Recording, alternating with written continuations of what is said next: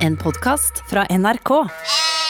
Kjære podkastlytter, det er, da Odin Jensenius som sitter i gigantistiske Studio 13 helt for seg sjøl atter en gang. Altså, det Mannefallet begynner å bli Nå har ikke jeg engang Det er ingen her, det er bare meg her. Jeg sitter alene. Det var noen som satte i gang øh, opplegget, og så bare gikk de ut. Og her sitter jeg mutters for meg sjøl, og nå holder hele øh, redaksjonen på å ryr ifra hverandre. Kanskje er dette aller siste gang.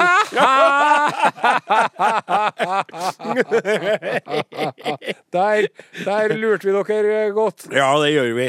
Guess who's back? Guess who's back? Back again, Artist back. Tell a friend, guess is back, guess is back, guess is back, guess is back, guess who's back. Du Are, vi må være litt seriøse eh, eh, her. Vi starta i uh, fleipete uh, tone for, for, å, for å legge et sånt litt lettere grunnlag før vi skal inn i noe som er litt mer alvorlig, og som du valgte å, å prate om. Du sa du ville kunne prate om det på podkasten, men du orka ikke å kringkaste det ut til hele Norges land. Nei. For det medfører jo riktighet at ditt fravær har vært knyttet også til utvikling av kongerekka sesong eh, 3, 4, 5, 6, 7, 8, 9, 10, 11 og 12. Ja. Sukkessen vil jo ingen ende ta, og der er jo du, kjære kaptein, en konge. Takk for det. Ja. Så det var jo én sending som den skulle jeg jo være bort fra. Ja. Den ene sendingen. Ja. Det var jo planlagt. Riktig. Men så skjedde jo det. eh, At en annen konge har abdisert. Ja. Eh, Det var den uka før påske, så døde min kjære far. Ja. Ja. På eh, Øya helsehus, som det heter da. I Trondheim by. Ja, hvor han var. Og det gikk fort på slutten. Ja. Og så Gunnar Osen. Gunnar Osen, ja. Han som jeg driver og parodierte, vet du. Ja visst har Jeg du tror det gjort det. ligger masse sånne parodier ut på NRK-spilleren i P1 pluss. For å si det sånn til deg, kjære podkastlytter som ikke kjenner til dette, så, så han Gunnar Osen, Ares salige far, han ø, ble parodiert av sønnen sin og var stolt av det. Ja. Og det var helt skremmende hvor godt du gjorde det, Ja. og hvor eh, du tok far din på kornet, og samtidig framstilte han som en meget velformulert, eh, knallhard, eh, samfunnsrefsende, eh, utrolig oppvakt eh, fyr. Ja. Så det var så mye du fikk til med, for du fikk latter. altså Ja. Du framsto jo som en komiker av den rangen du er, samtidig som du fikk presentert far din, og gjorde folk nysgjerrig på dette. Er han virkelig så seig? Ja. Er han så gæren? Svaret var vel ja. Ja, det var det. Jeg spurte han kan jeg få parodiere deg på radioen, og det blir ikke pent. Du kan gjøre hva faen du vil, jeg gir faen. Nei, kjør på! Sier du det, ja? Ja. Og så syntes han jo det var så stas det der når jeg drev og parodierte han, at etter hvert så fikk jeg jo ferdige manus i e-post Fra han! fra han, hvor han hadde tatt opp tema Ja.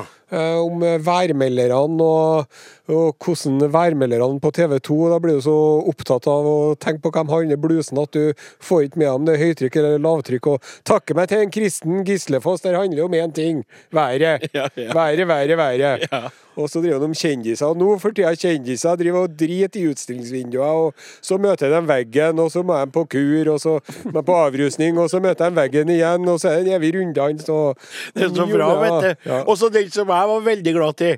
Det var jo basert på noe som han hadde sagt sjøl. Han tykte om å ha båt i Trøndelag. Ja. Ja, båt i Trondheimsfjorden. Det, Trondheimsfjorden er et stort, et stort innlandshav med én øy, Munkholmen, så du kan dra til Munkholmen og tilbake igjen. Å ha båt i Trondheimsfjorden, det er som å stå under en kalddusj og rive sund tusenlapper. Ja, sant? Det er så godt formulert, vet du. Ja. Så han eh, Og, og far din ble jo en gammel mann. Ja, og det sa han jo også, vet du. Når jeg dør, jeg sier når, det er ikke hvis, når jeg dør, så må ikke bli deppa av den grunn, må ikke gå ned i kjelleren, for det er jo ikke noe tragedie. Herregud, jeg er jo nesten 90 år. Ja, for han ble jo nesten 90 år. Han ble nesten 90 år. Han skulle jo bli 90 år i år, han. Ja. Og så var han så sjuk på slutten, vet du, at det var jo godt det å få slippe, rett og slett. Men var det ikke også slik, min kjære kollega, venn og kaptein, at han eh, ikke var sjuk. Heldigvis ikke så utrolig lenge. Nei, han var ikke syk så lenge. Han hadde ikke det lange, seige sykeleiet som gikk over måneder og, og, og år. Nei, han hadde ikke det. Så Nei. det gikk eh, brått og fort nedover etter jul. Jeg husker det var jo i februar, så satt vi og satt vi og snakka sammen, jeg og han, og da satt han og snakka om alle vennene sine som var så heldige at de døde fort. Ja. Han Eilif Olsen, Ja. han spiste frokost han sammen med kona si. Så gikk han inn på kontoret sitt, så hørte jeg Ingebjørg et dunk. Da var han Eilif død. Han var heldig, han døde sånn. Og så begynte Han med å ramse opp, og så var det Ja, og han lå nå en tre-fire dager før han var så heldig at han døde, og så var det han som døde, og, og han hadde bare falt om tvert, og så det var Ja. Så han Jeg tror at han egentlig var, var mm, Man blir jo klar for det til slutt. Ja. Så er det så underlig ordna at når Ja. du Hvis man får love lenge nok, så kan man kjenne seg klar for det. Selv om det som fascinerte meg Nå, nå har jo ikke jeg møtt far din veldig mye. Eh, eh, Du har jo mest fortalt meg om han, og så har jeg hørt litt fra Sonstad, som har fått gleden av å Ja. være med eh, deg hjem i leiligheten hans på Solsiden i Trondheim. da. Men dette også å inte frykte døden. Ikke være den redde. Nei, ikke. Gikk ikke i, i angst inn i det ukjente. Nei. Og det tykte jeg er imponerende også. Ja, For veldig mange blir jo redd på slutten, vet du. Ja, det skjønner jeg godt, for det er jo ingen som vet. Nei. Men hvordan går det med deg, min venn? Nei, det går nå litt opp og ned. Ja. Jeg, jeg ser jo at du blir emosjonell hver gang vi kommer inn på far din. Sant? Ja. Og det, sånn skal det være. Ja. Så det er jo fint at vi gjør, det, gjør unna med det også i den Og her få det ut av litt friere podkasten, der vi er litt sånn uavhengig av poplåtene og ja. Ja. Men det som jeg tenker, det er at øh, det er nå ikke noe å gjøre noe med. Nei. sant? Hadde han kunnet gjort noe med det, så hadde han jo kunnet begynt å sette i gang tiltak. Ja. Men det er jo ikke noe å gjøre noe med. Neida. Og så må man øhm, holde fast jeg Det er jo sånn man, det er jo- det er jo veldig mange som har snakka med meg om det her. Mhm. Da blir det sånn at når du svarer så på tekstmeldinger, eller når folk ringer, så vil du jo helst ikke øh, ta det på autopilot. Sant? Nei, nei, jeg skjønner. Men lell så er det noen fraser som jeg bruker flere ganger da, Mhm. når det gjelder det her. Og det ene er jo at um, at vi er sammen i sorgen, som de sier. Mm. Og så holder vi fast ved de gode minnene, da. Mm. Ja. Ja, Ja. så Sånn er nå det. ja. Jeg er glad at jeg var her. Takk for det. Og det er nå Det går nå den veien med oss alle sammen. Det gjør det. Mm. Men det ikke jeg vi skal dvele for mye med for da blir jeg redd, altså. For jeg er jo en veldig kristen kar og gleder meg til å møte Jesus i himmelens land. Du kommer til å Men bli så jævla skuffa. Du Hallo, hallo! Eh, Kommer det noen, noen Halløy, snart? takk. Halløy. Jesus, Jesus, testing, testing, hallo. Jesus, kan du høre meg? Jesus? Den Odin. Jeg har drevet bedt til deg alle de år, nå må jeg nå få hente ut gevinsten. ja. Hallo! Og så Ja. ja. Hallo, hallo, hallo. Nei, men vet du hva? Men det der er jo en beskrivelse av noe. Det som jeg frykter, er jo selvfølgelig For du er jo greit og sånn så. Nei! Det der er jo også noe! Det her Følg med nå! Ja.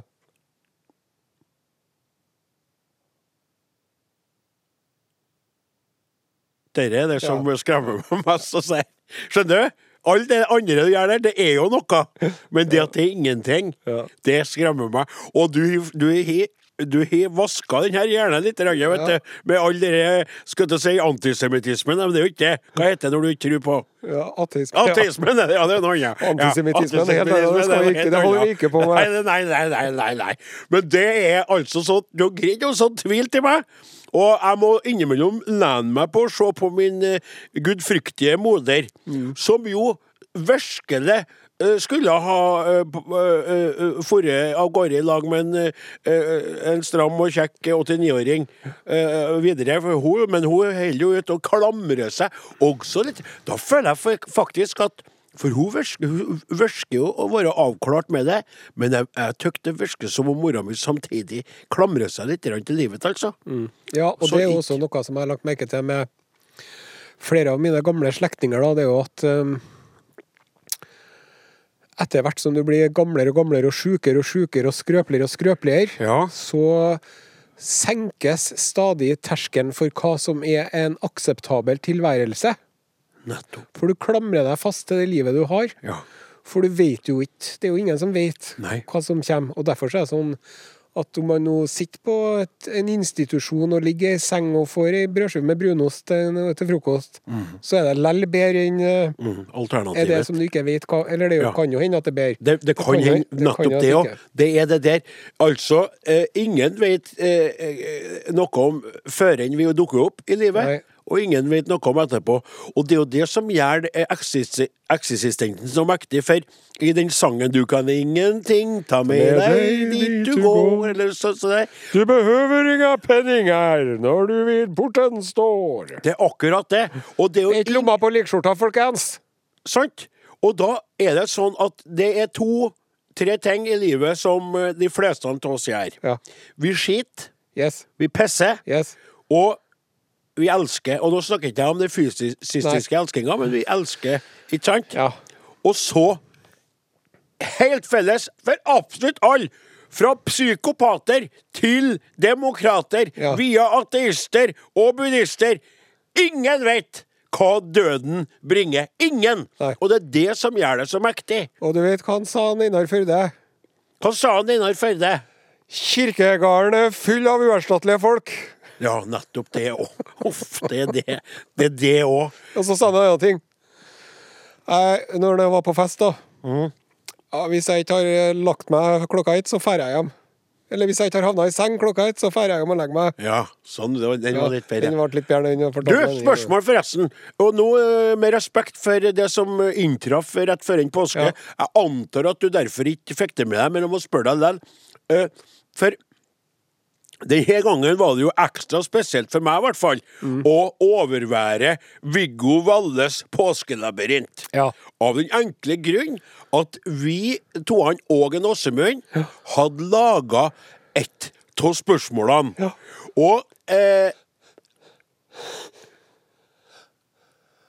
Vær så god, og prosit. Og eh, det dukka opp. Det gjorde det. Det kom- Det, kom, det ble Ja. godkjent og sendt på radioen. Ja, Fikk du med deg? Nei, jeg fikk ikke hørt på. nei. nei. Og det som var litt snodig, skjønner du, det var at For jeg satt jo pal, eller jeg, jeg satt ikke pal, jeg sto pal, jeg gikk pal, jeg arbeidet pal. Jeg hørte jo på forskjellige apparatuser. Ja. Jeg hørte på En dag var jeg på kjøkkenet og hadde tida til det. Så var det øreklokka inn i traktoren, ser jeg. Men da vi kom, jeg mener det var på selveste skjærtorsdagen vi dukka opp på radioen der. Ja, det tror jeg. Ja, og da Grunnen til at jeg ble overrasket, det, for det var et annet spørsmål om Jeg tror faktisk det var Sicilia eller hva det var. Det var noe annet italiensk som sier. Wow. Og det tykte jeg var så snodig, for det ligner ikke en veldig hopp fram og tilbake til samme land. For det gikk dit, til Italia, og så, og så for de Da skal vi reise Ja, dit, og for, ja. for dem Det blir litt sånn Hitra, Frøya og Fjellværøya. Eh, ja, litt som sier at du får Hitra, Frøya og Fjellværøya, og så innom Oslo, og så litt tilbake igjen. Ja. Så der, der ble jeg litt eh, overrasket, og det ble vel også kom, kommunisert fra han eh, Glunten som drev og svarte. Det var en nordlending som var veldig flink, Jaha. som da eh, tror jeg tok over hele sendinga mest, da, Ja. og endte også opp i finalen der han på, var fluefetthåret unna å, og, og vinne, da. Ja. Eh, men det, og det var artig å høre på, og da skulle sett hun mor. Ja. Hun satt jo og stirra på. Da var det jo jeg, Hun satt jo og kikka på, på TV-sendinga. Ja. Hun satt jo Ja, på stua, ja. hun kunne gjøre Jeg holdt jo på arbeid og gjorde forskjellige ting, da. Og så, når jeg hørte at vi kom, da Yes. Vi hadde jo ganske langt spørsmål. Ja. Så og, og sprang ut ikke sant, og inn på stua og fikk med meg, og da satt hun og fjetret. Ja. For hun sitter og følger med. Du steg vel litt i aktelse til mor der? Steg i aktelse. Ja. For det er alle som er i nærheten av Viggo Valle, er jo da jo verdige vesener, ikke sant? Ja. Eh, Viggo Valles verdige vesener. Og, og, og, men hun, se, som hun sitter og kikker på han, og spesielt etter at hun fikk den nye sveisen sin, så er jo mor blitt eh, Det mest av oss har glemt Ranhild Sirisena, for å si det sånn. Ja. For at han er jo så fysen på han Viggo, men Viggo er jo veldig opptatt av å prøve å si det Og også en god, god del yngre ennå, til tross for at han snart er pensjonist sjøl. Ja. Ja. To år igjen. To år igjen. Da blir han 70, og da får han et uh, oppsigelsesbrev. Ja vel? Du kan jobbe uh, fram til du er 70. Ja. Folk flest vi slutter jo når de er 67. Ja. Men så er det noen som tenker nei. Men når de er 70, da er det boink! Ja. Da får du ikke lov mer. Nei. Men de kan jo hyre en inn som uh, frilanser. Det er akkurat De det. Det er mulig, vet du. Og de må jo ikke Herregud, de kan ikke slutte med påskelabyrinten med Viggo Valle bare for at Viggo Valle er blitt 70 Nei, år. det er jeg helt enig i.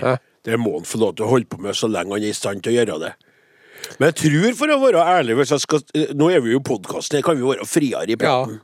Kjære podkastlytter, dette må ikke du sladre om uh, ute i Norges land likevel, da. For eh, jeg tror ikke at Viggo er kjempe, kjempefornøyd med at det er sånn TV-sending i tillegg.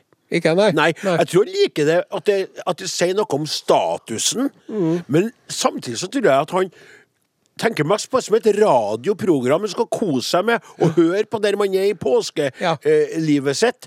Du sitter i solveggen nede på strand der det er blitt vår, og fuglene flyr i lav, eh, lav eh, høgde over vannet, Ja. og du sitter der med familien og har tatt med kakao på stranda, og så ser, så hører hun Valle du, og ungene må følge med, så ser, Ja. og dere å sitte og glane på skjermen der òg, Ja. det tror ikke jeg har fyr- Nei, og de glaner driver og jo mye på skjermer òg, når de For det har de vel eh, også eh, Har jeg hørt det noen som har sagt at den at den, Viggo blir irritert når han hører at de driver og surfer, og uten at de får til å prate samtidig. Ja, det stemmer. Det er akkurat det som skjedde. Det var ei spesielt ei jeg mener hun, hun, hun var fra Åren. Da ble det helt stille, men så drev hun og tenkte seg om og snakka med Ja. andre. Og det var veldig dårlig radio. Ja. Da var det Og så prøvde 'Hallo, er dere der?' Er dere? Og da hørte jeg at han ble frustrert. Men han er ikke lenger imot Googling Nei. og tekniske hjelpemidler. Han mener at det, de tekniske hjelpemidlene er i dag eh, det leksikonene var før inn i tida. Ja. Og eh, de eh, mest, beste oppslagsverkene den gangen var jo da Asgeir og Gyldendals. Nei, det var de leksikale eh, Dem som hadde leksikonet i hodet. Okay, ja, sånn Det var jo dem som Ja, hadde muligheten til å slå opp i sin egen skolt. De hadde lest alt på forhånd, ikke sant? Eh, det er jo når du sier det her For det er et ordtak. Og det var jo sånn du kom deg inn i radioen i, en gang. Ja, ukens Ukens ordtak. Modig Modi Jensenius. Ja. Du, hvordan var, kom med den åpningen der? ja, det var jo Jeg kan ikke gjøre min stemme. Ukens ordtak! Med Odin Og så sant? Og så var det for eksempel. Ja, det er jo, ja, for at det er jo det er helt kort. Du skal ikke gå over bekken etter vann. Hvorfor? Du trenger jo ikke. Kommer du til bekken, hiv med bøtta, trenger ikke å gå over på den andre sida. Bare bøye seg ned og ta vann og gå hjem igjen. Veldig rart. Kast stein i glasshus. Veldig dumt å gjøre når du er i glasshuset. Da risler og rasler kan skåre deg opp. Ja. Stå på utsida hvis du absolutt skal kaste stein Ja. på glasshuset. Kan du også vurdere hvorvidt du faktisk skal gjøre det, for du ødelegger jo glasshuset hvis du kaster stein på det. Ja, men hvis du har veldig små steiner, da. Ja. Veldig små, sånn av kanskje vulkansk. Så kan du kaste det inn i glasshuset ditt, og så lander det ned i jorda, og så får du Sånn, ja, du får sånn Ja, riktig. porøs og godt jordsmonn. Ja. Men i hvert fall, Ja. ordtaket ja. Tale er Sølv, Taushet er gull Gjelder ikke i radio. Nei, Nei. det gjør ikke det. For det er faktisk Der er det bedre Ja. å si noe, Ja. sjøl om det ikke er genialt, ja. enn Å være helt stille. Ja. For stillheten fører jo til eh, kanalforflytning. Og eh, sånn sett så skal jeg komme med innrømmelser som jeg aldri trodde jeg kom til å komme med, som jeg kommer med nå. Skal du få for at du er litt, litt grann, eh, sår fortsatt for at eh, Gunnaren er borte, og for at du har stått i noe, nå som har vært vanskelig for deg, skal du få noe til meg som du ikke hadde venta å fått. For mange år siden så laga vi radio på NRK Paytray. Og det var en eh, tragistisk hendelse knytta til flere tusen sauer om bord på eh, et skip. Ja. Eh, og eh, det skipet var utafor eh, Australias kyst, og de fikk ikke legge i, til kai av jeg husker ikke på, jeg tror det var for at det var sykdom om bord. Ja. Så sauene der var smitta med et eller annet som de ikke ville ha, for det er jo veldig mye sau i Australias land. Ja. Og de er jo strenge både mot smitte, dyresmitte på, hushold, på, altså på husdyr, Ja. og så er de veldig strenge mot immigrasjon. Ja. Og så sier- så er de veldig strenge når det blir covid. Det har vist seg. Ja, så de er streng, rett og slett. Og det var veldig varmt, og det var sjuke dyr om bord her, og det begynte å dø sau i haugevis. Ja. Og det var bilder av båten. Jeg kasta sauene ut i vannet. Haiene hadde jo uh, sånn uh, happy hour hele tida. De åt, de åt jo seg forderva på sauekadaver. ja. Og jeg syntes jo det var en veldig traumatisk opplevelse for både meg som sauebonde, med alle sauebønder. Det var jo helt, det var en tragedie som var av episke dimensjoner for oss som holder på med næringa, å se Ja. den tragedien utspille seg på kysten av Skamløse i Australia. Og så krevde jeg da i den sammenhengen ba ø, tynt om ti minutts stillhet. Ja, stemmer det. For radiohuset for deg. Ja, det ble jo nedstemt. Ja, det var nedstemt. Og, det som, eh, og der og da var jeg jo veldig opprørt. Jeg husker på, jeg hørte på opptaket senere, og jeg er jo på gråten der. Og jeg er lei meg og, og trygler deg og hulker og styrer, og så sier jeg kjent på tale, og da sier du at jeg er ko-ko, og så sier jeg Og så holder jeg på å forhandle meg nedover, og da sier vi på fem minutter, og så er vi på tre minutter, to minutter, ett minutt. Og det er jo den klassisistiske ett minutts stillhet. Ja. Den kjenner vi fra fotballbaner, eksempel. Hvis det har skjedd en tragedie eller noe, så står jo folk og tier stille i ett minutt. Ja. Nei, sa du, kommer ikke på tale. Til slutt fikk jeg ti sekunder. Ja. Ti sekunder fikk jeg, det fikk jeg faktisk. Du ga meg ti sekunder. Der og da så tøkte jeg at du var gjerrig og, og gnien. Med tausheten din, ja. Ja.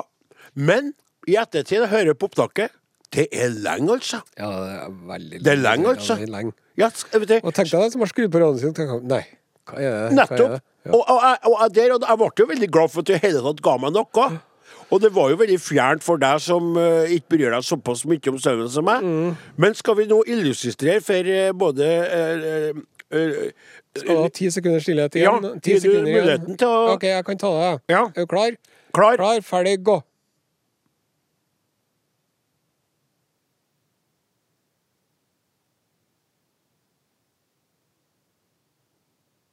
Der! Det er lenge. Det er lenge. Jeg hadde veldig lyst til å si nå er vi halvveis. Ja. Og så vil jeg si at, det, Ja. at du hadde rett. Og jeg vil si at det, at det var veldig raust å gi meg ti sekunder, for det var lenge. Men pussig at du sier det, for at jeg har jo som oftest rett. Og jeg er jo en veldig raus person. Så der kom du med sånn to veldig gode beskrivelser av undertegnede. Eh, Jeg skal fortelle deg en artig historie. Eh, Jeg har jo en bil. Ja vel. En Mazda 626 ja, fra Masta igjen? 2003. Det er fordi en svigerfar er pensjonert Mazda-forhandler. Ja, takk. Og når eh, vi kjørte sund eh, registerreima på den forrige Mazdaen vår, mm. så tok en svigerfar og kalte inn en eh, tjeneste til bruktbilsjefen på en stor bilforhandler i Trondheim, ja. som fikk sin aller første jobb til en svigerfar. Ja. Så svigerfar ringte han og sa nå må du ordne en bra bil til svigersønnen min og dattera mi. Eller tutti della frere. Og dermed vet du, så fikk vi den der Mazdaen der, da. Som den er ganske gammel. Men det var en sånn eh, snill, gammel dame som eide den, som kjørte til butikken to ganger i uka og tilbake igjen, og hadde den på service og sånn, så det var et eh, røverkjøp. 70 000 kroner kosta den. Du. Herregud, det er mye penger. Men i hvert fall. Vi har nå kjørt bare Er du interessert i bil, Nei, Åsen? ikke det tatt. Så har vi kjørt med den bilen her ganske lenge. Ja, så bra. Og så kom Eli hjem, så sa hun Det blinka ei lampe her. Er- det var en sånn, det var en sånn så ut som ei vannkanne som blinka litt. Men det er sikkert ikke noe farlig. Og så tenkte jeg nei, hvis, hvis bare blinka så- hvis den bare, Ja, det var viktig for seg å vannskille plantene. Og så tenkte jeg ja, nei, men du har nå rett i det, for at hvis det er noe galt med oljen, så eh, Men du, det med olje er viktig, for at hvis, det, hvis du går tom for olje og kjører lenge, da kan hele bilen gå i nemlig. Snakker du til meg? Ja, fortell deg det. Du, du forteller meg det? ja. Ja. For det vet jeg nemlig. Ja, for jeg har jo kjørt uten olje på alle traktorer, alle uh, tohjulinger jeg har hatt, og alle biler. Alle, jeg kjører helt Jeg kjører aldri med olje. Jeg, jeg, Nå er det ironisk. Ja. Ja. Jeg lærte det òg til deg. Fortsett! Og, men så begynte jeg å tenke, vet du, fordi at bety? Fordi at på den bilen da, så er det jo sånn at hvis du går fra biler med lyset på, så skal det jo pipe. Men det gjør ikke det lenger. Nei, så den varselgreia har slutta. Så jeg tenker at det kan jo hende at, at det er noe galt med varslinga på denne oljen. Så jeg, kanskje jeg skal sjekke den oljen. Ja. Og så fikk jeg opp panseret på bilen eh, etter litt om og men. Og så trakk jeg opp den pinnen, og det vet jeg at da må du tørke av den, sjø. Riktig. Men det var ikke noe grunn til. For det var ikke noe Den, den pinnen den var knusktørr. Og så drev jeg og dyppa den oppi der, da. Sa brødra! Ja. Og så var det like tørt. Sa brødra! Og så da tenkte jeg fader utan det, nå er vi tom for olje her. Ja. Hva gjør jeg nå? ja, hva gjør du nå? Jeg tenkte OK, fuck it, jeg kjører til Benserten, da. For den Benserten var jo bare 700 meter. Kunne ikke du ha sykla deg godt til den Banserten hvis den Banserten er Jo, så nære, nede, det så travelt. Ja, men jeg kjørte nå dit. Ja. Og så drev jeg og ringte svigerfar underveis, for det er jo ikke bare bare å helle på en olje, vet du, for det skal jo være rettsorten, og det skal være den samme som sist, og alt mulig sånt. Ja, Men det spiller jo veldig litt Men han tok ikke telefonen, da. Nei. Du var alene. Ja, Så måtte jeg ringe svigerbroren min, og, og så fikk jeg god hjelp på benserten òg. Ja vel. For jeg spurte noe, Først så spurte jeg jo dama som sto og solgte vaffel og pølse, og sånn, og så sa hun du må snakke med han fyren her. Så kom nå han, og så sa han at For det, egentlig så skal du kunne slå inn registreringsnummeret her, så på nettsida så skal det stå hvilken olje du skal ha. Mm. Men det funker ikke. Jeg tror ikke registreringsnummeret, men det er vel eh, Ja, du får opp bilmerket, sånn, ja. Og så står det biltypen, og så Ja, for det har de jo på Ja, riktig. Det må jo være noen oljer som kan være litt mer standard enn andre, da, bare for å fylle på sånn at du redder motoren fra det totale Ja, ja. da. Men i hvert fall så sier de ja, ta den her da, halvsyntetisk eh, Esso-greier. Mhm. Så kjøpte jeg en liter av den, kosta flere hundre kroner. Mhm. Jeg glugga det oppi. Det var veldig vanskelig å få oljen nedi det tynne, tynne der hvor den pinnen var. Nei, nå tuller jeg. Tok- ikke opp jeg, jeg, fant den oljeklunken. Ja. Og så helte jeg oppi en liter, Mhm. og så venta jeg litt. Og så tok jeg peila igjen.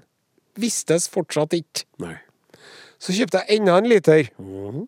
Og holdt på, så etter en halvtime, da var det kommet lite grann, da. Ja.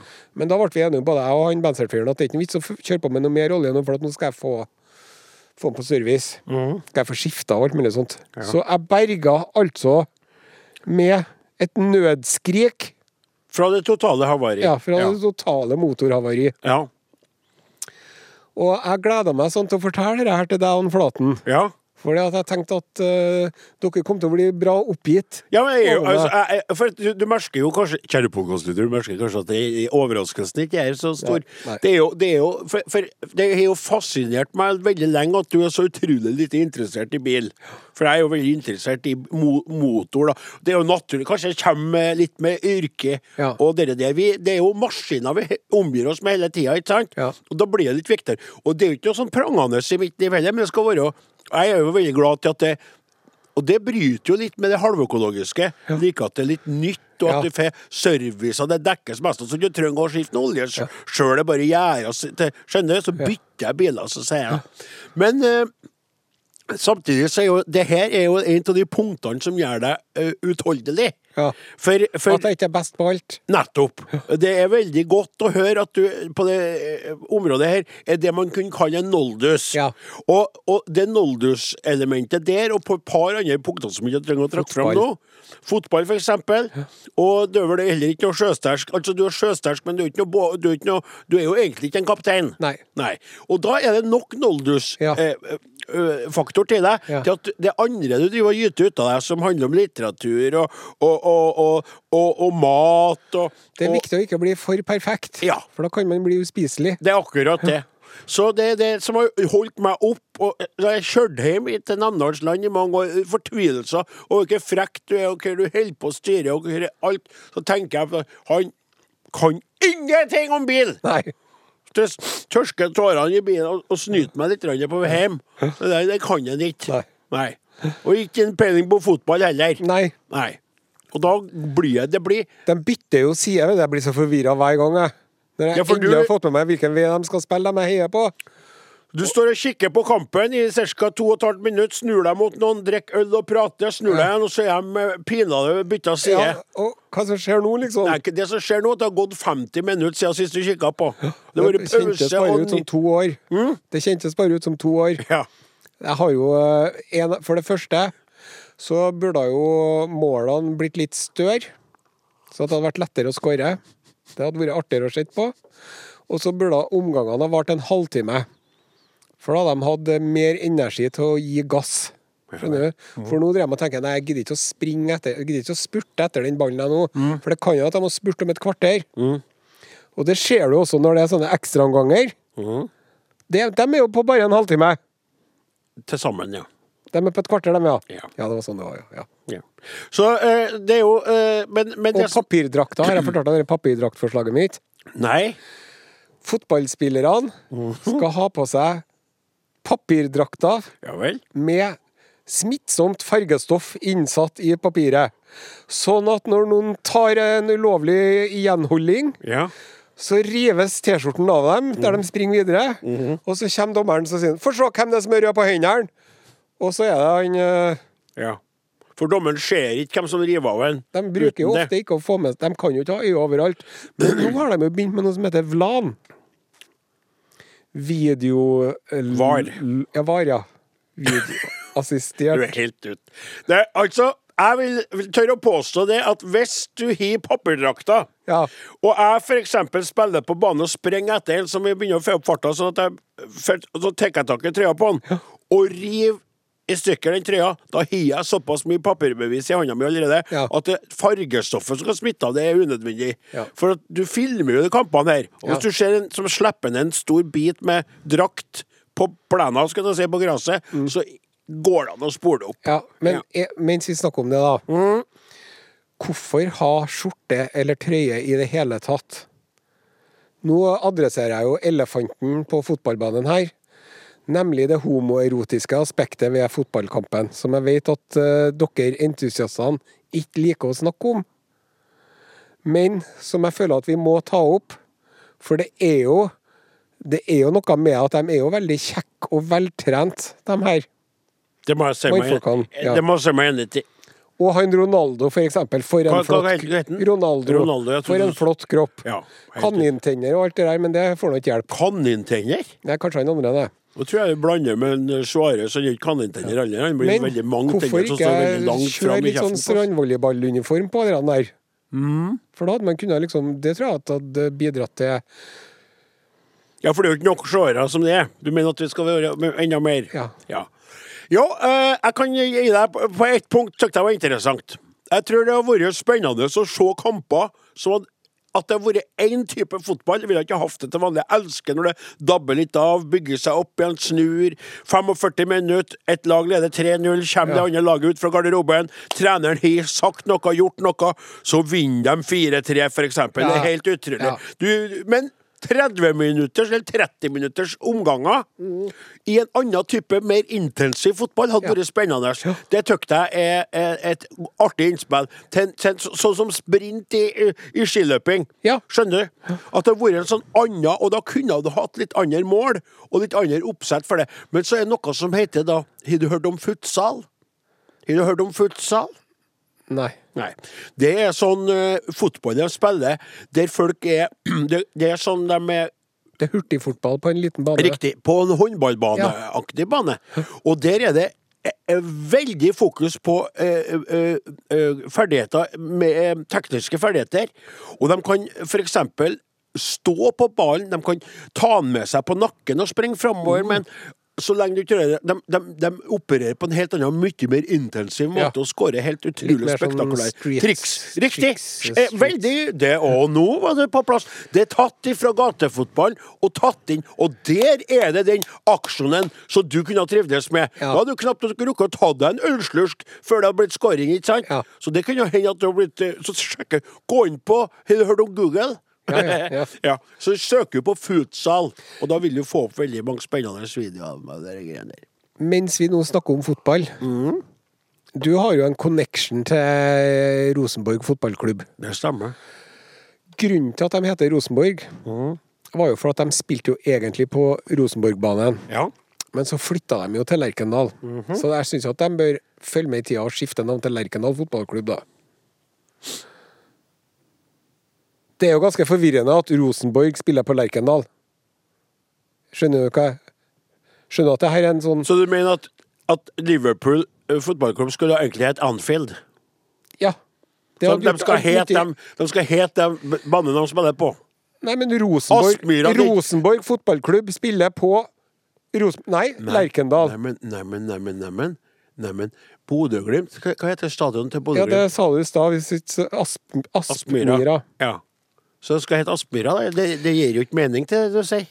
Men Eh, Svar om meg. Jeg driver og spør deg et spørsmål. Du er her i Dagsnytt 18, vi er Ja. i innspillet. Hva mener du at, at Bodø-Glimt skal skifte navn til Aspmyra?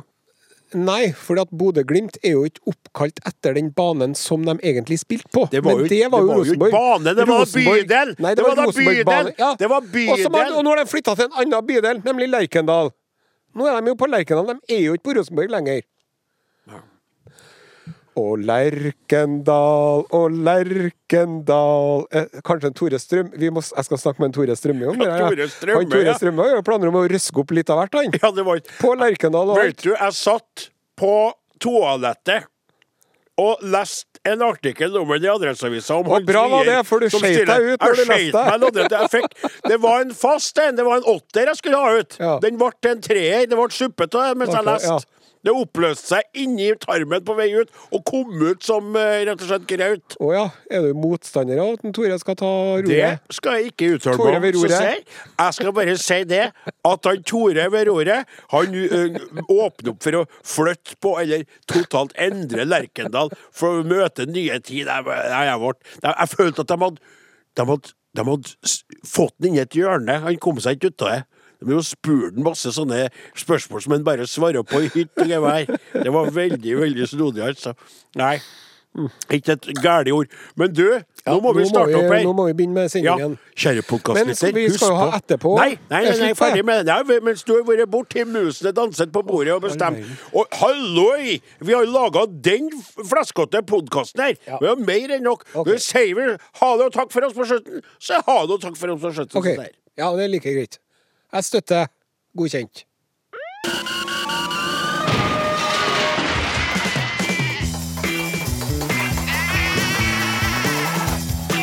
Are og Odin. Nytt spennende eh, i studio under dette her, da. Og den stoppe Der er så er stopp. Ja, kaptein, har du oversikt over dagens eh, tre punkter? Eh, Du jo akkurat å fullføre kjøreplanen her nå. Vi Ja. skal innom lati latrinekatastrofe, Ja vel? slankeraseri Ja, det skal vi! ja, Ja. og Osen på plantasjen. Oh. Ja, det er litt raseri involvert der òg. Ja, men det er veldig, veldig bra. Men først og fremst så gjør vi jo noe som vi er skrekkelig god til, rett og slett. Det er vi. Mm. det er noen plater som surrer og går, da, vet du. Vi driver og spiller popmusikk. I sted var det 10CC med Dreadlock Holiday. Her kommer Astrid S og Dagny med Pretty på Norges aller, aller, aller, aller, aller, aller, aller, aller største radiokanal. Som er NRK P1 Flaten. Du lytter til Are Areia og Odin i NRK P1, eller på NRK P1. Og det er slik, da, kjære dere som hører på, at eh, vi er mannsterk, men ikke fulltallig denne gangen heller. Flaten er i Stockholm, tror jeg. Han er i Stockholm på noe, noe sånn nytt spennende prosjekt som skal gjøres i Sveriges land. Han har jo slått seg eller spilt seg opp og fram, gutten. Og i likhet med kaptein Osen, så er han jo øh, travel med forskjellige ting. Nå skal det sies det til dere som hører på akkurat nå, at uh, han, har vært uh, borte i noen omganger. Og i podkasten i dag, som vi spilte inn nå nettopp, så forklarer vi, eller han da, og vi snakker litt rundt Ares fravær, som skyldes både profesjonelle sånn. og personlige ting.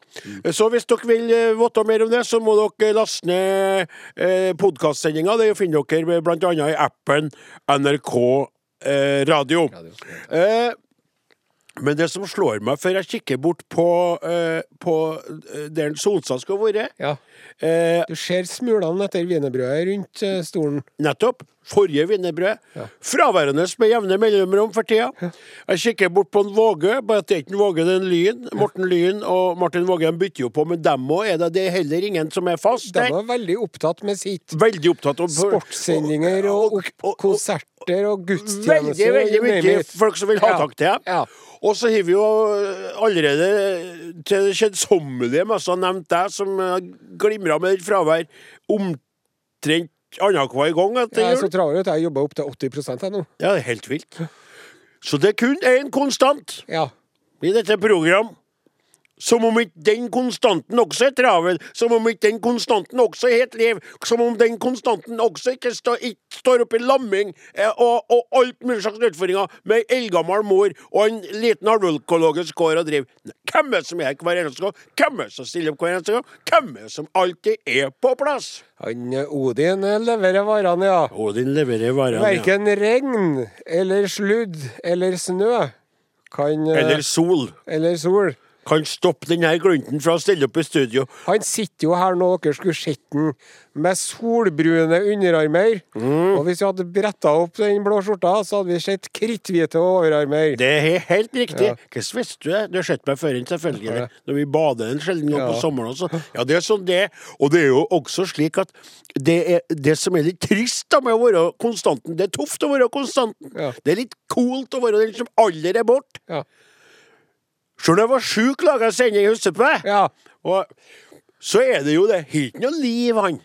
Nei, han har jo ikke det. Nei, har jo ikke det. Det er jo bare arbeid. Bare gården og drifter. Du, Det er jo akkurat er jo i harmoni med Sjøl om det er mye frustrasjon Ja. i forhold til eh, drømmen om Elin. Mm, riktig, jeg skjønner hva du mener. Hun heter jo ikke Elin, hun jeg drømmer om men det for spiller tida, jo ingen rolle hva heter. Det er jo Elin. Han kalt dem Elin den gjengen. Ja. Hun oppnådde det. Så, Så, så syns jeg at du har en ja. positiv innstilling til livet og tilværelsen. Og faktisk så, var, så, så syns jeg jo det at eh, Altså, eh, navnet Are Odin, Mhm. det er jo såpass godt innarbeida ja. at vi holder jo fast ved det. Ja, Men men ja. eh, de gangene jeg er borte, Mm. så er det fritt fram for deg til å kalle det hva du vil. Kompani Jensenius! Eh, Kompani Odin. Kompani Jensenius! Kompa, ja, du, du Ja, bestemmer. Kompani Odin, for har du ikke sett på det programmet, så snakka så vidt om det Kompani Lauritzen her, da. Eller Odin. Ja, det var det jeg mente. Ja, Odin, men, men Lauritzen er etternavnet Ja, hans. sånn, ja. Er jo helt ut. Du har ikke sett på det. Nei, en syklisten. Ja! Ja. I Kompani Jensenius. Hørte du ikke fort det kom? Tror jeg jeg tenkte på det sjøl, eller? At programmet kunne hatt et annet navn innimellom. Ja, eller så kan du kalle det bare Odin. Bare Odin kunne hett, ja. Det hadde Odin og kompani. Ja, du, du, du, du, du! Bare Odin som kunne ha parodiert mor mi. Ja. Laga tekster om henne. Odin, hei, så hei! er så kjem Hei! Uff, jeg skvatt alle her. Så er det, så. Vi har vært Det skal jeg gjøre. Det, det var litt artig. Hva Men han. Flaten da, han er som sagt i Stockholm, ja. Tror han de lager en musical i Stockholm igjen? Jo, jeg tror ikke at vi skal snakke for mye om det, for det kan være hemmelighetskremmerier, det der, men det er noe så gæli hva opp og fram han er blitt løfta, nå er han jo sammen med de store. Og Mm. hvem er vel da interessant som et lite radioprogram på ja, Norges går litt Jeg husker vi fant den. Han satt jo i veikanten i Oppdal, han. Ja, jeg gjorde det. Ja. Ja. Med en liten sånn, eh, sånn liten sånn keyboard. Og spilte Ja, på torget det, var ikke et, det var ikke et fullverdig brett, det var et sånn lite lekebrett. Men det skal du vite, Flaten. Vi fant deg, og vi bygde deg opp. Ja. Og vi kan knekke deg som ei lus. Nei, slutt opp å si det, Atna! Vi skal si bare Vi skal Vi er veldig stolt av deg. Ja, og vi skal ha og neste lørdag, Vi skal ha royalty. da står det på kalenderen at du kommer. Står det at den kommer? Ja. Sier den det? Ja. Har den bekreftet? Ja, Skrev den på norsk eller svensk, da, den svart? Nei, det var litt sånn svorsk. Ja, det var det litt sånn skavlansk eh, svang over det. Are og Odins podkast. Veldig urealistisk det er å, påstå det bare for at eh, en, en toppleder eh, av den ekle sorten sitter og holder seg i en bordkant, så har han plutselig fått parkinson. Det er bare for at vi ønsker det, at han skal ha fått det. Vi ønsker Ja, for ja, ja. en første gangs skyld at et menneske skal ha fått parkinson bare for at han er så ekkel. Det er Men det er jo en følelse være man ikke skal gå rundt og ha. Skal ikke gå ønske på folk det. Nei, og samtidig må vi være lov til å holde seg en bordkant en gang iblant, uten at folk skal begynne å spekulere på at du har en, en, en Men det var jo veldig rart. Ja, det var rart, men, men du så Nå har jo du sett meg de videoene av Hitler under OL, han ser jo ikke god ut, han heller. Hitler under OL.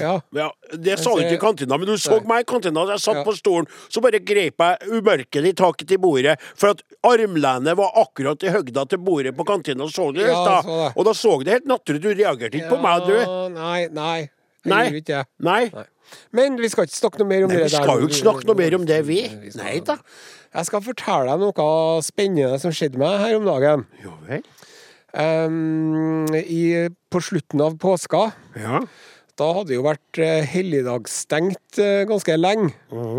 Sånn som det bruker å være på slutten av Og påske. Nosen uh, hadde jo ikke uh, fått svidd noe plastikk på flere dager.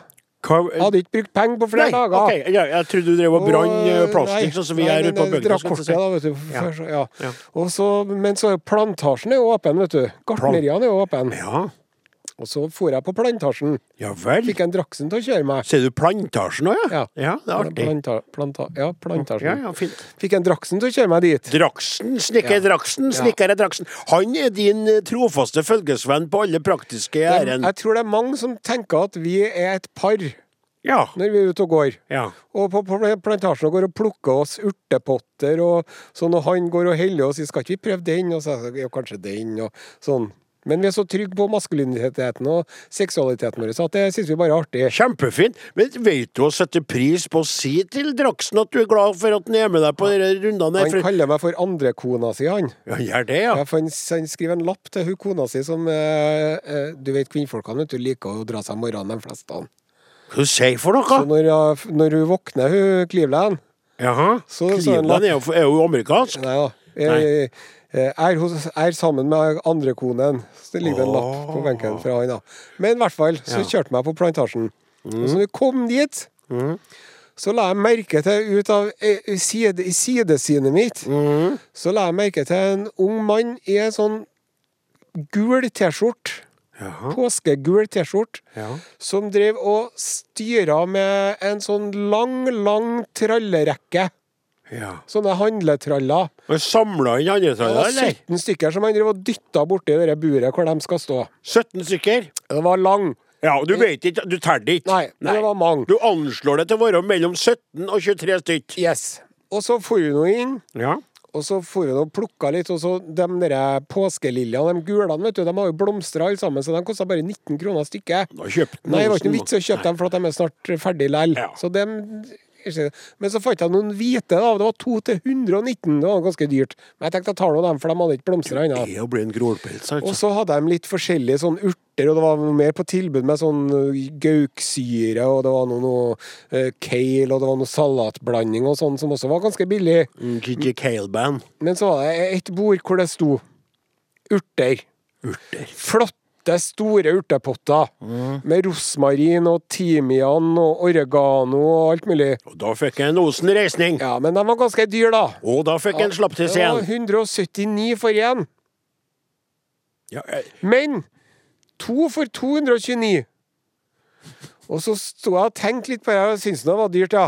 Men så sier Draksen kom igjen og klem til. noe». Skal denne historien komme til et sted? Eller skal du bare fortelle alle i hele Norges land hvor opptatt du er av penger og, Og så tok jeg én oregano og en eh, rosmarin. Ja vel. Og så kom vi bort til kassen, og det var lang kø. For det var mange andre som meg, vet du, som var desperat etter å bruke penger på, eh, i påska. Ja, kanskje noen som var enda mer desperat enn deg etter å bruke penger, tydeligvis. Ja.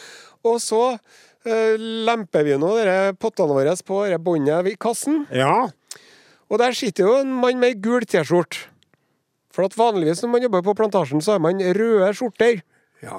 Men han er en ferievikar, ventelig. De hadde tvunget på han en sånn påskegul kyllingskjorte. Så han satt der. Ja. Og så sier han Er det deres det her, eller er denne deres? Av østlending. ja. Er denne deres? sa vi. Nei, det, det. Ja, men det er jo derfor vi har det, disse pinnene, da. Vet du, disse pinnene de legger imellom. Ja, ja, ja, ja, ja. Han var litt frekk. ja. Den var litt sånn, sånn krass, han da. da. var litt krass, men vi var bare sånn Ja, ja, det var noe rart. Det var noe sånn Ja. mm, pussig. Ja. Pussig. Og så Tok du en sånn, fikk du en sånn pinne? Ja, så vi la Er den er- Skillepinne, kaller du det. Nei, kundeskiller. Ja, kundeskiller. Ja. Og så skal jeg betale, og så faen kosta jo 660 kroner. Nei! Jau! Jau! Jau! Ja, dyrt, ja, syns jeg. Ja, det var dyrt, Men jeg dro nå det. kortet, da, for det var derfor jeg hadde kommet. Ja. Og så fikk jeg jo Og et det ble jo, ble jo rødglødende, det fikk jeg et lite rush når jeg gjorde det. Og så, men så syntes jeg det var dyrt, så jeg ble stående på enden der, ikke i veien for noen. Mm. Og så sto jeg så litt på kvitteringa, for jeg prøvde å finne ut av hvorfor det ble så forskrekkelig uventa dyrt. Ja. Og så står jeg her og gjør ikke en flue fortred og passer mine egne saker og ser på kvitteringa. For det må være lov, og Ja. det skal jeg si til deg. Ja. Selv om du er eh, kongen av grålpeiseriet, Ja. eh, så er jeg enig til det, for, for jeg kan handle, og jeg er litt mer løs. Eh, jeg, jeg er litt eh, flinkere til å unne meg, og, uh, hvis jeg først gjør det. Men reagerer jeg på prisen sånn ut ifra det som har skjedd for meg i skolten, så er det fint lov til å stille seg og ikke være venn for noen, og studere. For, for hvis du går ut, eller fer hjem, og må forra tilbake igjen, Ja. da litt tullete. Ja. Fortell! Så står jeg der. Ja. Flaksen plukker med seg noe greier og begynner å gå. Så står jeg og ser på det her, og så legger han merke til det, han derre gjøken i gult. Det er blitt en gjøk, ja, så da aner vi hvordan det her bærer åt. Og så sier han til meg Rabatten står nederst. Så sa jeg hæ, hva sier du? Rabatten står fra, trukket fra helt nederst på kvitteringen. Så sier jeg jaha, ja. Og så sier jeg men eh, Jeg skjønner ikke, for at det var jo sånn to for én. Eller det var jo sånn to, det var jo sånn tilbud hvis jeg tok to. Ja, men det er forskjellig størrelse på pottene. Så sa jeg ja, men de sto jo på samme bordet. Så, Ja, men Det er mange potter som står på samme bordet, men det er forskjellig pris. Og hvis du skal ha to for én, så er det samme tallet. Det må være samme størrelse. Så sa jeg du, nå syns jeg at du er nabat! Ja, jeg Sa- sa det til henne. Sa du det? Ja, jeg sa til henne, nå syns jeg at du er nabat!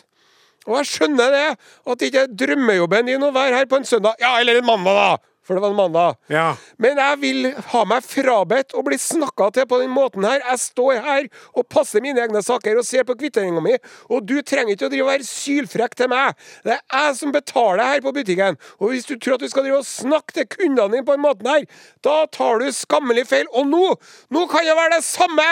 Nå skal ikke jeg ha den eller jeg skal ha tilbake pengene mine. Og nå kan du ta Oi, hvem- den blomsten her, den er ikke min. Nå er det noen som har glemt å legge på skillepinne her på min ende av båndet. Nå skal jeg ha tilbake pengene mine. Og han ble spak, ja. Jeg ble spak, jeg òg. Det var jo 17 stykker som sto og venta, og de sto så på meg. Og åtte av dem tenkte 'for en helt'. Og ni av dem tenkte 'for en tulling', tenkte de. Så det var veldig delt. Vet du hva? Jeg vil si en ting før vi går videre. Der ble jeg skremt, jeg òg. Ja. Og så tenkte jeg på en annen ting. Det er sterkt. Ja. Nå har du blitt din egen Jeg er Far. min egen far. Are og Odin. Alfakrøll. NRK.no. 70-årsjubilant Øystein Sunde der. eh, Og det er jo ikke bare han som jubilerer i år, kaptein Osen. No, sir. Hvem andre som kan markere Radioprogrammet Are Odin eh, feirer 20-årsjubileum i år. Ja. Det var jo i januar 2002 at vi debuterte med daglige radiosendinger på NRK P3. Tenk det. 13.05 til 14. 20 år siden. Helt Enn utrolig. hvor tida flyr. Og her sitter vi og raller fortsatt. Ja. Eh, I den anledning spurte vi jo dere litt om dere kunne dele minner med oss. Vi vil gjerne, vi vil gjerne høre ifra dere hvis dere kom på noe eh, artig eller eh, ja, eh, eh, en situasjon dere var til mens dere hørte på Are Odin. Det ønsker vi fortsatt. Kan du sende inn til Are Odin, krøllalfa.nrk.no, eller en tekstmelding til 1987, kodeord Are og Odin. Og han Rolf Øvrum han, Hei, Rolf. Han sendte jo inn melding, han, men så sendte en ny ei på elektrisk. Halløy i by, og for så vidt også i Namdalen. Takk for en hyggelig påskehøytid, som for en god del har gått med til å bringe historiske Are Odin-podkaster sammen med Binge. Historiske Are Odin-podkaster sammen med et barnebarn på tolv år. Ja. Han er også, til sin mors forskrekkelse, hekta! Å, sier du det? Han er tolv år, da. Det er litt artig. Men til saken. Tok tidlig i januar utfordringen om å bidra med mimring omkring duoens oppstart på NRK P3 for 20 år siden. Med historien om konfirmanten som assisterende gulvsliper, og jeg som Ja, ja, trodde ja. eh, Uh, hadde fått overledning i slippemaskina, for han Ja, flirte sånn at det var helt ja, ja. gærent. Må få skyte inn at jeg har fått svært mange morsomme tilbakemeldinger på den fra familie og venner som har viderebefordret historien på diverse sosiale medier. Det var veldig godt skrevet òg, vet du. Mm. Og det er jo det som er med våre lyttere, at de er jo noen av de beste i Norge på å gjengi historier og skrive. De er veldig skrivefør. Lytterne er veldig- mer oppvakt øh, og Ja, Det ble jo gjort en lytterundersøkelse for noen få år siden. og Da viste det seg at Are Odel-lytterne var blant de aller beste lytterne i hele Norges land. I programmet 22.1.2022 ble det delte minnet avsluttet med følgende sitat. Rolf på Hamar får vekkas T-skjorte. Oh. Nå er det ikke slik at jeg er klesløs, som det heter på trøndersk, men savner T-skjorta i størrelse XL. Nå skal jeg i løpet av et par uker opp til Alvdal, der jeg skal være fjøs, fjøsavløser hos noen venner som er sauebønder. Veldig bra, Rolf! Det er, som dere vet, lamming på gang, og da kan et slikt plagg være på sin plass. Lover dere bildet? Kaptein Aasen kan jo være så snill og begunstige Rolf med en T-skjorte. Det må være en av de få du har glemt, for du sa jo Ja. for noen måneder siden at du hadde ordna alt som var forefallende av T-skjorter. Men de kom da. Ok, jeg skal Jeg, jeg må innrømme at jeg er ikke eh, den beste i verden til det her. Og jeg tror også at når vi tar uh, sommerferie nå, så tror jeg vi, vi må ta en revurdering på om jeg faktisk er verdig denne viktige oppgaven. Om uh, kanskje den uh, T-skjorteleveringspinnen bør overføres til yngre krefter. Timevillshow. Vi snakka om stillhet her i podkasten før den sendinga, og den stillheten som dere hørte nå fra meg, den var ganske talende. Eh, Jeg bestemmer nå at vi faktisk flytter på det elementet som skulle være nå. Vi har nemlig en godbit å by på fra startåret eh, eh, 2002. Det er altså et helt legendaristisk klipp fra et prosjekt vi hadde som Ja. gikk katastrofalt galt av gårde. Mer om det etter God Reed og låta All, We Can Do. Sjekk ut Are og Odin på Facebook. Are Odin er programmet du hører på, og nå skal vi by på en eh, skikkelig godbit fra oppstartsåret 2002. Det vil si, Are hadde jo drevet på, på radioen i mange år eh, med programmet Bare Are, men så starta Are og Godin som program i januar 2002. Og det var jo to eh, blidspente og lubne gutter Ja. som startet eh, en felle, felles radioferd. Ja. Og vi bestemte oss ganske hurtig for å gå i gang med et prosjekt vi kunne, trodde kunne bli artig på radio, som vi kalte for Alfa Kilo Bravo. Ja, Og Da skulle vi slanke oss, det skulle vi. og så skulle vi veie oss hver uke. Hver fredag. Eh, offentlig da eh, På på, radioen. Ja. Eh, og så var det jo meninga, og vi, ledelsen ordna jo treningsstudio til oss, og vi skulle liksom få til det der. ja, vi skulle det. Og det var jo en veldig slu måte å prøve å få finansiert og, og få støtte via Ja. fagpersonell til å, å klare å redusere eh, omfanget sitt. Ja, så tenkte vi, Hvorfor begynne på Grede Rode-kurs når du kan få hele Norges befolkning til å støtte deg i prosjektet ditt? Riktig. Og eh, tidligere eh, så har vi jo spilt eh, et eh, klipp fra påskesendingene som vi hadde. Jeg med et veldig annerledes språk enn i dag, og en eh, Are Sendosen som sitter og et vaffelkake og skjuler det under en serviett og påstår det er kålrot. Og da kan vi jo ane hvor galt dette her skulle gå av gårde, for vi greide jo faktisk etter kort tid og begynne å legge på oss vekt. Og det er ganske spesielt faktisk i startfasene på slankekurer. Så er det veldig veldig ofte slik at folk greier å gå ned i vekt. Det er ikke sjelden at de går opp igjen etter tid, men det er veldig sjelden at etter bare noen uker eller kanskje en liten måned med, en Og aktiv slanking, Ja. det må jeg si. Det var aktivt og intensiv eh, et program. Og så hadde du i all hemmelighet For vi hadde ei badevekt i studio som vi gikk på. Fullt påkledd, for vi regna jo inn sånn cirka at det var så samme hver gang. Jeg hadde jo på meg veldig mye samme antrekket. Du hadde bare, bare litt forskjellige sneakers og litt forskjellige bukser, men det ligna ganske mye. Ja. Og du passa på å ikke ha på deg en tung ullgenser Ja, ja. akkurat når du skulle veie deg. Ja, Men så hadde du blitt skita lei, du. Jeg var så jævlig lei av det her. jeg- ble så deprimert. Så du bestemte deg for. Du deg for å ta ferja. og det må jeg bare understreke at alle dere som hører på nå, som kanskje ikke hørte det den gangen, at dette som dere hører straks, det er helt ekte. Are hadde ikke sagt noe til meg om hva han kom til å gjøre i, i, i Alfa Kilo Bravo-segmentet på radioen. Og han hadde snakka med en tekniker og noen andre for å varsle oss at de fikk dokumentert det, men jeg var totalt uvit, uvitende. Det vil dere også høre. Jeg er skrekkslagen i det Are tar affære for å stoppe prosjekt Alfa Kilo Bravo. Hør på dette. Kan du gå på vekta nå? Ja, Ja, eh, nå skal vi på vekta. Ta inn denne vekta her en gang for alle her. Ja, det er Ja. greit. Skal vi se her. Ja. Oi, jøsse nå! Hei, hei, hei! Kan du Hei, kan du hei, Kan du Are! Nei! Nå er tyranniet over! Det stemmer! Hva du gjør? Da slipper vi noe mer mas om det her! Herregud, hvor mye skal man plages? Han tok vekta mi. Jeg tok vekta med øks. jeg tok og Are. hogd sund øksa. Skjønner du? Her, I can be pushed only this far. Jeg lagt på deg så mye, Jeg vet ikke. Hva du gjør for hva Nå får det være nok. Får det grenser. Jeg kunne ha fått tak i den øksa den henta jeg til vaktmesteren eh, før jeg kom på jobb. Jeg har jeg. planlagt Jeg det har planlagt, Jeg ja. planlagt Jeg har planlagt, ja. Altså, Veloverveid! Veloverveid. drap og Hva heter det når det er sånn veloverveid? Det er sånn overlagt eh, øksedrap av en eh, badevekt. Nå skal vi høre her! Nå skal vi høre her. Vent, vent! Tor Erling, Tor Erling, se her.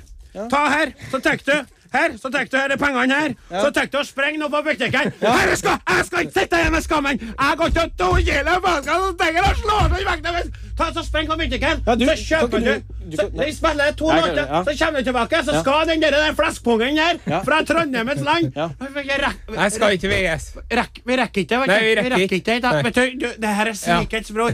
Skammens dag. Vent, da sier jeg som en Nils Arne Eggen. Takk for meg. Det er over. Altså, hyggelig samarbeid. Enn at du greide å få meg på vekta først, og når du skulle veie deg, så knuste du vekta med eh, Du knuste den med ei øks som du hadde fått i tak i. Ja. Og den som prata her, som var østlending, den Tor Erling Tømt Ruud, som nå er top notch krimreporter i VG, Ja. uh, Verdens Gang, han fikk jo sin første kriminalsak der, som han var vitne til, da. Ja. Uh, det som uh, Du knuste den. Jeg knuste den.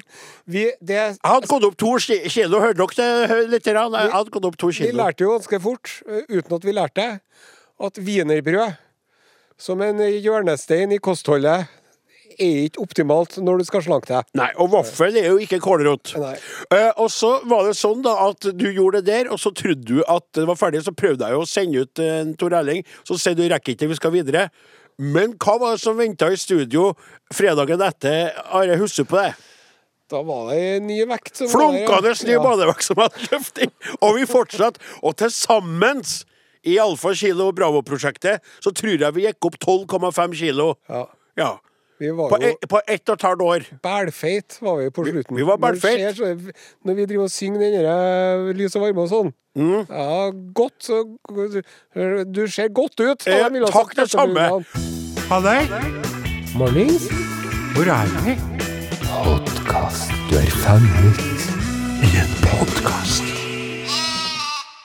Ja, det er ingen tvil. Det går an å være både stor og lykkelig. Her var The Weather Girls med knallåta Eight Running Men på Arodin eh, i kanalen, eller på kanalen NRK P1. Jeg vil bare si at dere at hvis dere har et minne om ei sending med Are og Godin dere eh, husker på etter å ha hørt det fantastiske klippet i stad, eller hvis dere var på en spesiell plass, eller gjorde noe spesielt mens dere hørte på Are og Odin, del det med oss. Are og Godin, krøralfa, nrk.no, eller en SMS til 1987 med kodeordet Are og Odin. Are, vær så god.